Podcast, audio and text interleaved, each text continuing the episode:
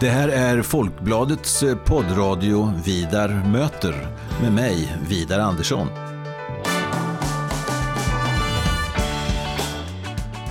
Jag är eh, chefredaktör på Folkbladet och jag är också ansvarig för Folkbladets ledarsida som eh, skrivs utifrån en oberoende socialdemokratisk hållning. Så i den här poddradion kommer jag att möta politiska personer av olika slag och vi ska ha ganska så korta och hoppas jag rappa samtal om stora och små samhällsfrågor. Varmt välkommen till Vidar möter.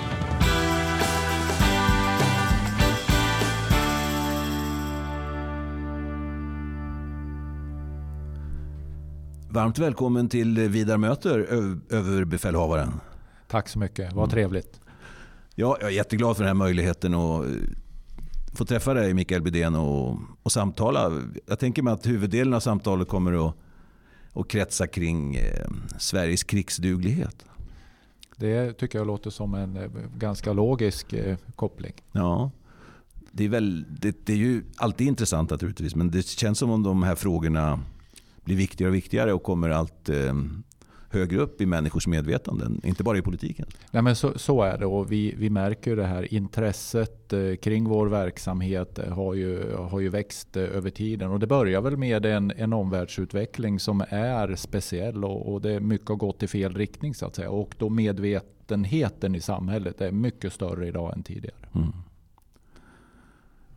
Men innan vi går in på de här stora sakerna så måste vi prata lite om Norrhälsingland. Eller hur? Ja. Äntligen. Ja.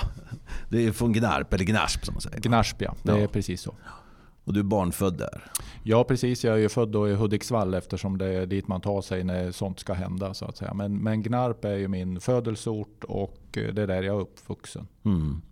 Och eh, mitt livs universitet har ju varit i Hassela, en annan del av den vackra kommunen Nordanstig. Precis. Där de här två orterna ligger. Och, eh, det finns ju en, eh, ja, ett sånt band där, så här, lokalpolitiskt band.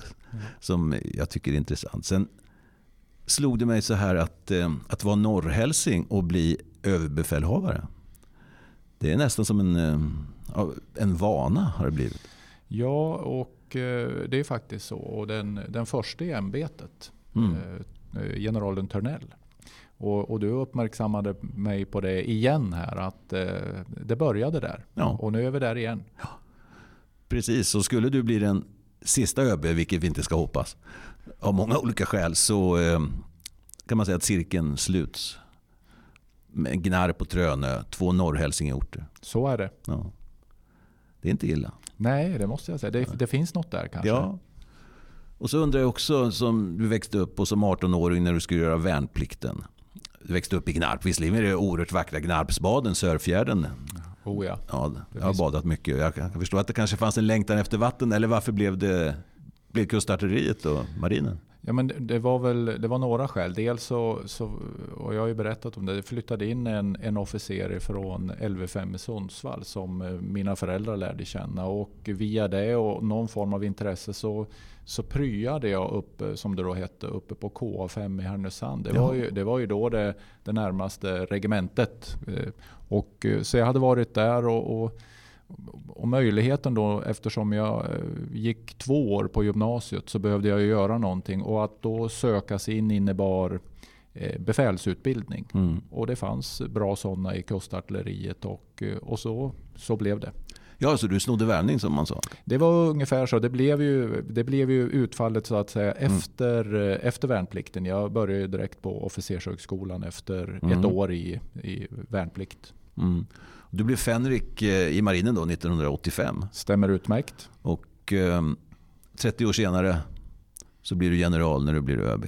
Ja, mm. det, det, är, det, är, min resa i den korta, ja. korta beskrivningen. Ja, den korta beskrivningen. Var oerhört mycket däremellan. Och, ehm, eh, när jag berättade på jobbet där att ehm, eh, jag skulle träffa dig så var det många som talade om din tid på helikopterdivisionen. Absolut, Helikop helikopterflottiljen Malmen. Mm. Ja. Och så var det en som sa så här att Mikael Bydén han var egentligen för lång för att flyga Viggen. Alltså det finns ju en massa sådana där eh, sanningar då. Men det var jag ju inte för jag flög ju Viggen. Ja. Utan Det, nej, men man kan vara 1,87 lång utan några större problem. Man kan vara 1,90 också. Det är snarare att eh, benen inte får vara långa eller avståndet från knät och, och, och, och till baken höll jag på att säga. Ja. Så att inte knäskålarna blir kvar och man behöver kliva av. Ja. Har du behövt kliva av någon Nej, jag har, jag har alltid suttit kvar från start till landning. Mm. Ja, du var åtta år, du var i Norrbotten va? Eh, ja, lite längre var jag nog. Jag var där från 89 till 97. Eh, okej. Okay. Mm. Och ehm, då var du löjtnant, eller i varje fall i början där när du i, ja, i flyget? Va? Ja, men där uppe. Och jag ska ge det rätt. Då, det åtta år på plats så att säga. Ja, det, var mm. jag, det var jag. Sen, sen tillhörde jag förbandet. Nej, men jag, jag kom ju dit som, som fänrik och uh, åkte på skola som major. Och sen kom jag aldrig riktigt tillbaka där mm. efter det. Men jag, jag var tillbaka och flög. Men jag hade mm. ingen befattning uppe på F21.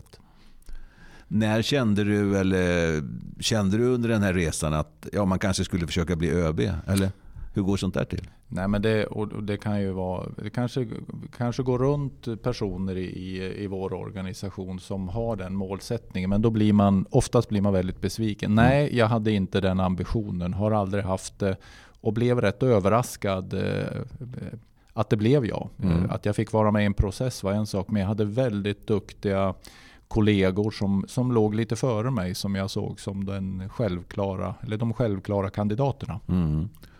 Men du var, hette det militärattaché eller flygattaché i, i Washington? Då, jag var flygattaché i Washington, ja. ja vad, vad, vad, betyder det? Det är rätt politiknära eller statsnära? Eller vad, vad ja, men det kan man ju säga. Men, men de attachéer som vi då skickar ut, försvarsattachéer eller man då är försvarsgrensattaché, så blir man ju den svenska representanten så att säga relativt eh, militär nivå i, i det land man är. Så att, mm. Och i mitt fall, ett stort land, så var det då fokus på flygvapnet i det här fallet. Mm. En slags ambassadör kan man säga. Det kan man säga, i, fast då inte med ambassadörens mandat och, och ansvar så att säga. Att vara högst svensk representant. Mm. Utan, mm.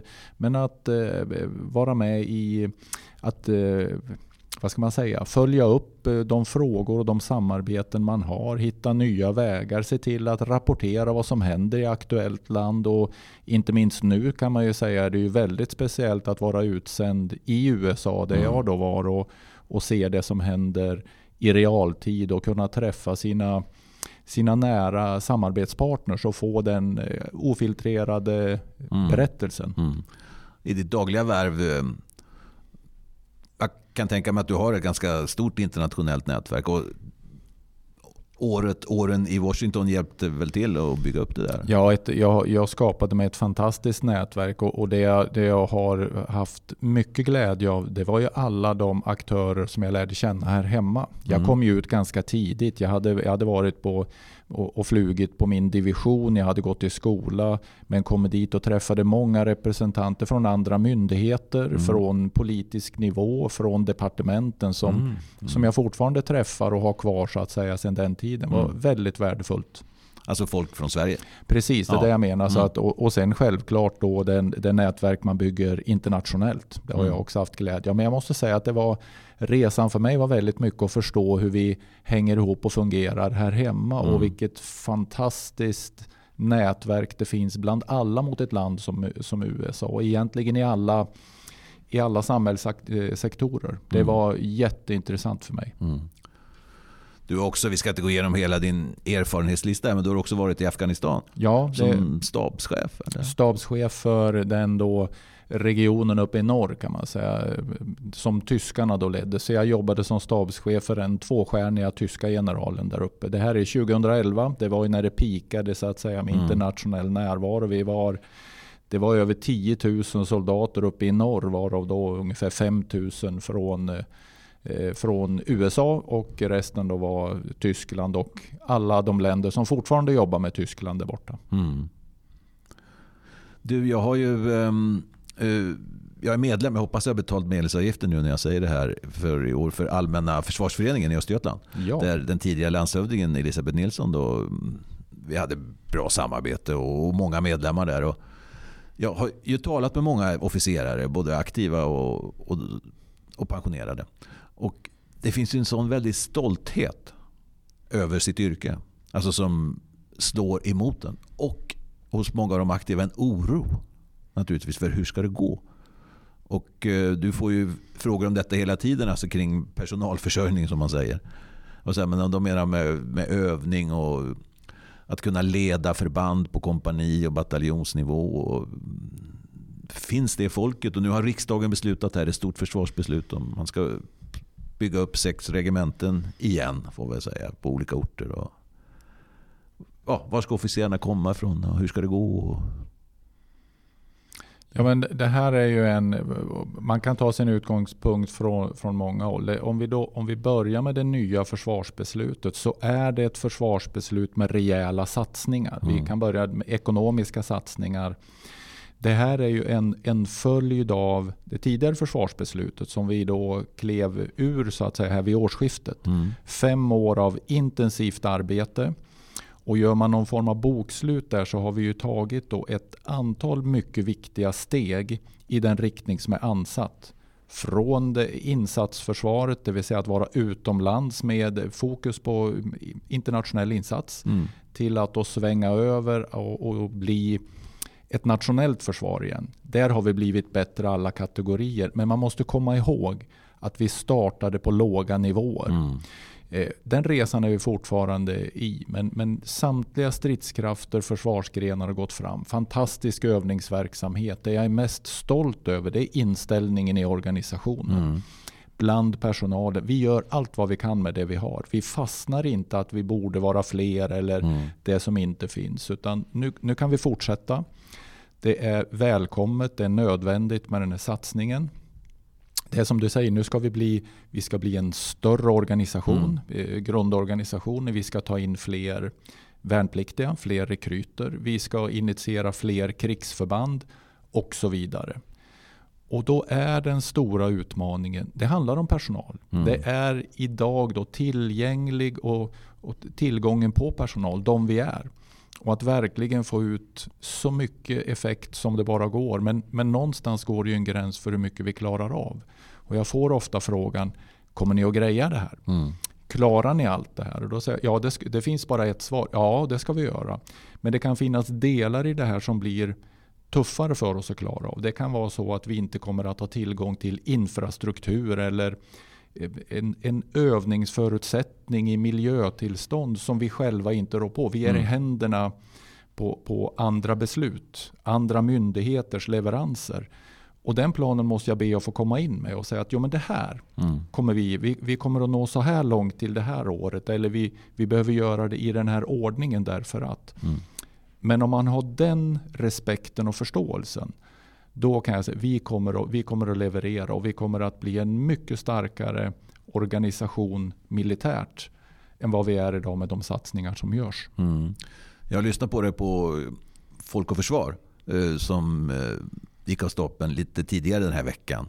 Och eh, där markerar du att, eh, att Sverige nu under de här fem åren sedan senaste försvarsbeslutet eh, var mer tillgängligt och var mer och bättre krigsdugligt än för fem år sedan. Mm. Ja.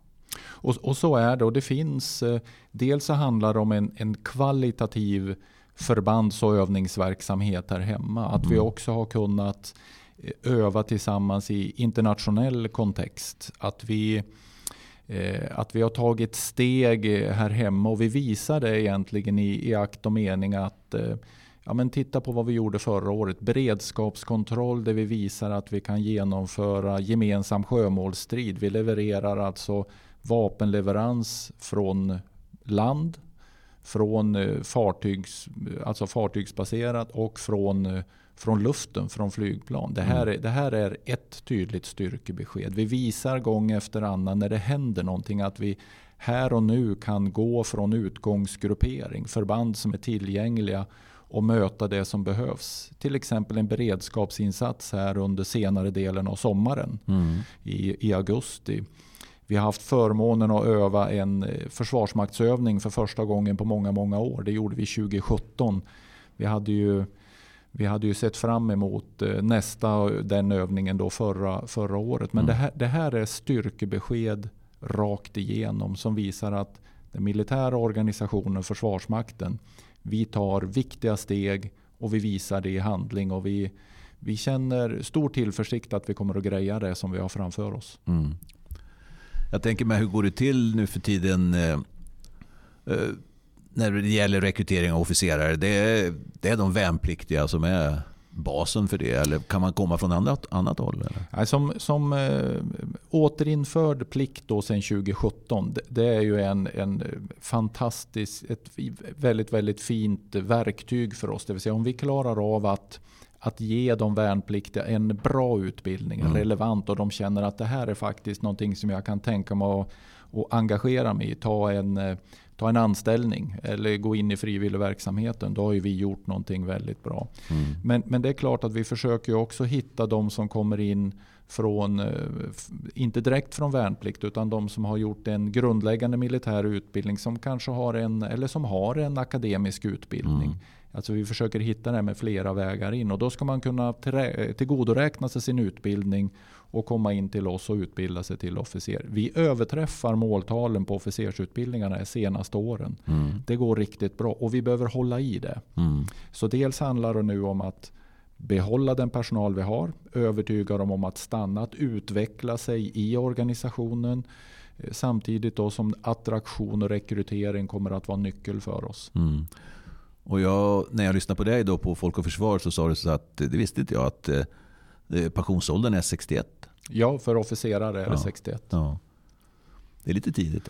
Eller? eller så, är så är det, men det är också en, en rättighet. Det är ingen skyldighet att nej, gå i pension nej, när man är 61 år mm. som officer. Och vi, vi övertygar ju ett antal nu att stanna längre än 61 för att vi behöver deras kompetenser mm. och erfarenheter som en, under en överbyggnadsperiod tills vi blir fler. Så att, mm.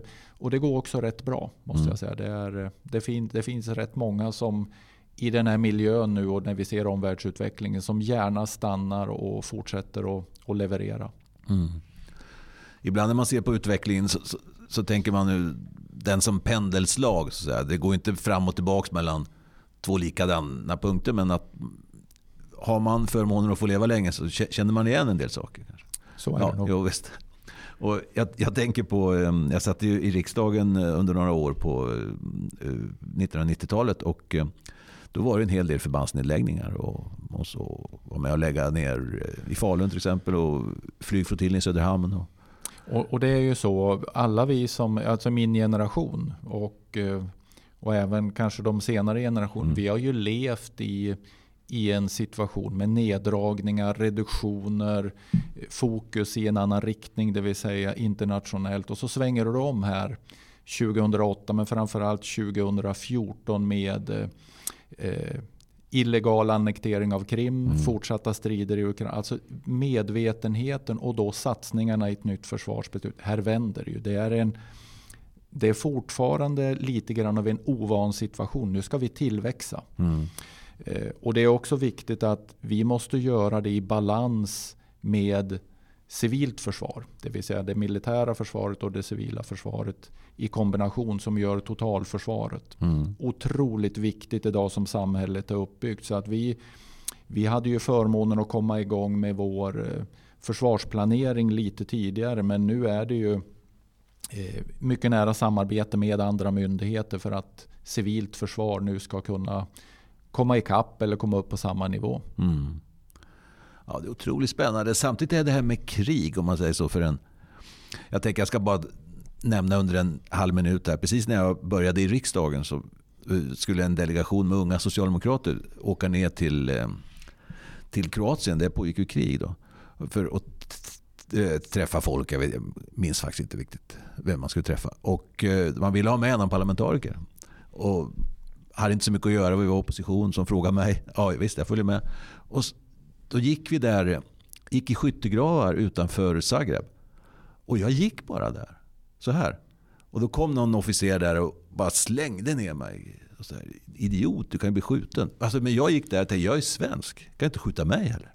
Alltså, det, man, man, jag menar, vi, har, vi har inga berättelser om det här. Det blir så oerhört abstrakt. Blir ja. det, eller? Jag har, en, jag har ju en motsvarande upplevelse som din. och det är Jag, jag åkte då till, till Ukraina hösten 2017. Mm.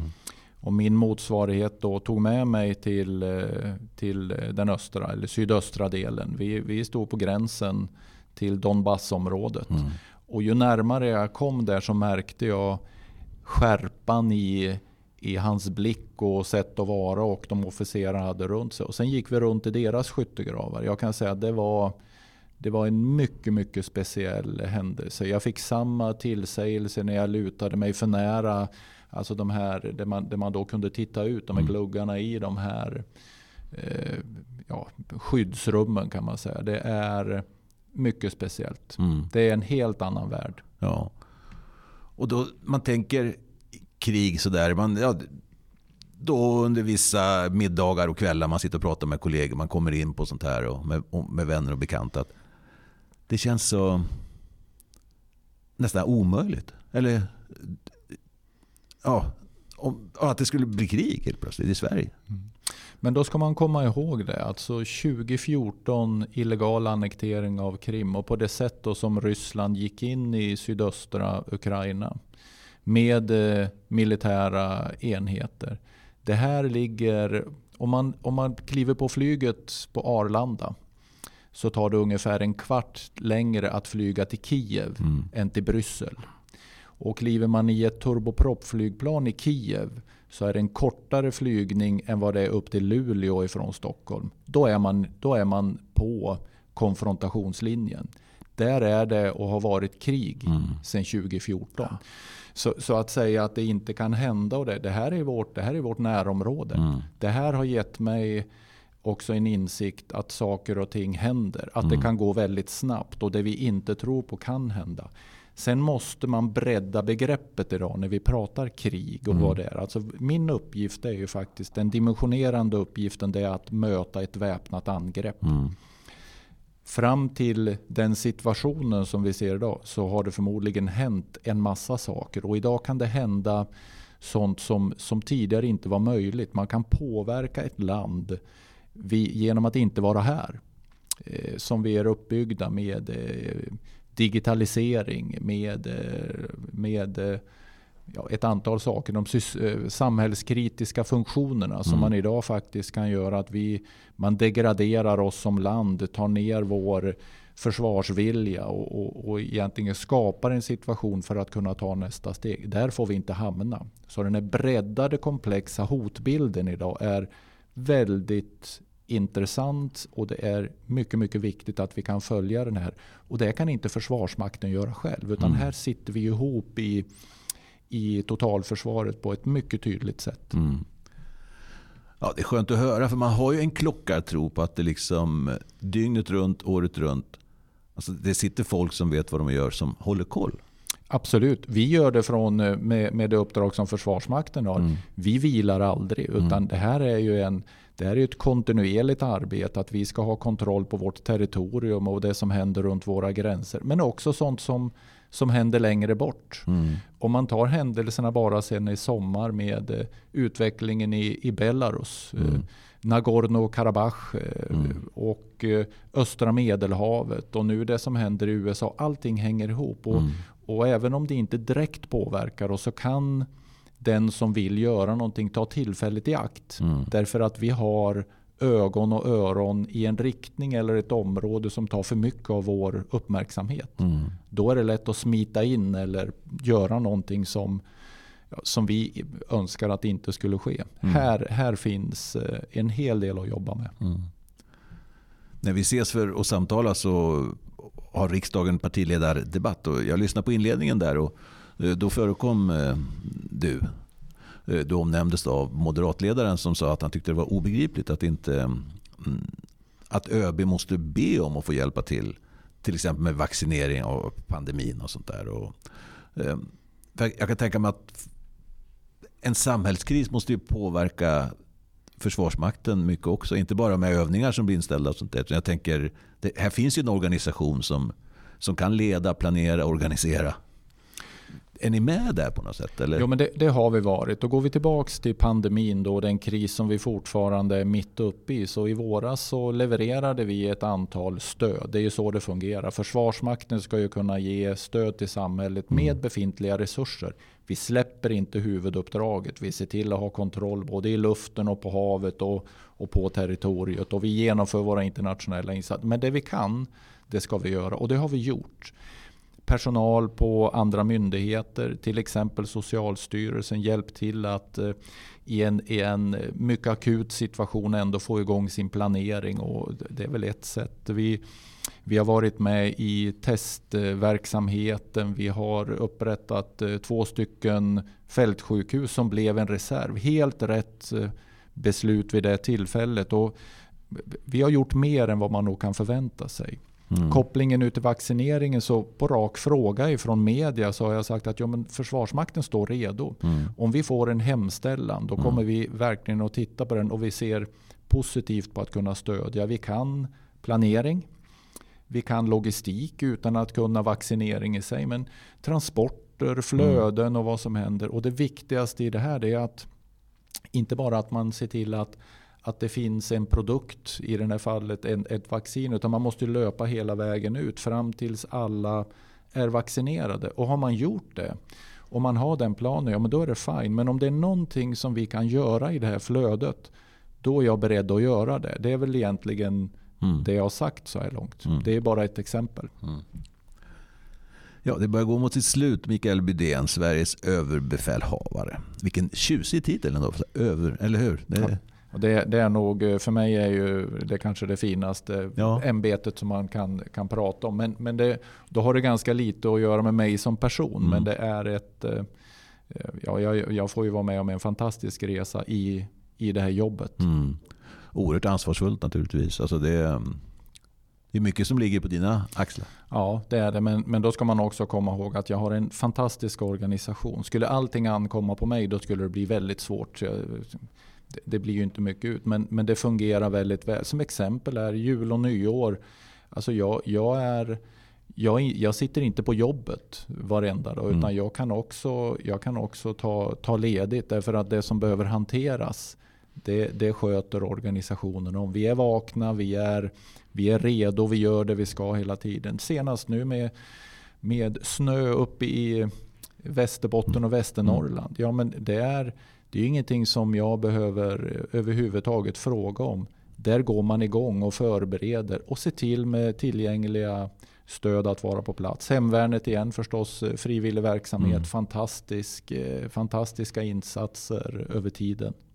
Ja, hemvärnet har fått eh, luft under vingarna. Har inte fått det med yngre människor också? Jag märker i min närhet. Jo, men det där, det, jag tror att det där är, det där är en bild av, av hemvärnet. Eh, att det är en massa eh, äldre farbröder som, som sitter i ett vägskäl. Mm. Ingenting kunde vara mer fel mm. än så. Utan här är det ju en, det är ju en det, över 20 000 befattningar, hemvärnssoldater som är en, som är en stor en stor del, en signifikant del av vår krigsorganisation med viktiga uppgifter där man på, ska vara på plats inom timmar, eh, något dygn för att faktiskt se till att eh, Försvarsmakten, då, den anställda delen, ska kunna göra sitt jobb. Mm. Och det finns en rad andra frivilliga organisationer, icke att förglömma. Och de har mm. varit med här under pandemin också och stöttat på ett jättefint sätt. Mm. Ja, det är starkt och bra och Försvarsmakten är, är större än vad man kan tro. Och ytterst handlar det om liksom varje människa av oss och vår försvarsvilja eller vår vilja att hjälpa till när det behövs. Det är det det kokar ner till. Det, det är nog den viktigaste ingrediensen, det vill säga, och det är ju varje medborgare. Mm. Inställningen att friheten och, och, demokratiska värden är det, är det vi ska försvara. Oerhört viktigt för oss. Och, eh, det, det kan man ju också mäta. Försvarsviljan i sig har ju har ju blivit högre mm. med eh, förändringarna och omvärldsutvecklingen som sker. Och, och, det är jätteviktigt. Stort tack för det Mikael Bydén. Det får bli slutorden här. Och, um, må din väg gå dig till mötes. Som man sjunger i en fin liten psalm jag snappade upp för många år sedan. Jag skulle gärna lyssna på den. Det ska du få göra vid tillfälle. Mm. Stort tack. Tack så mycket.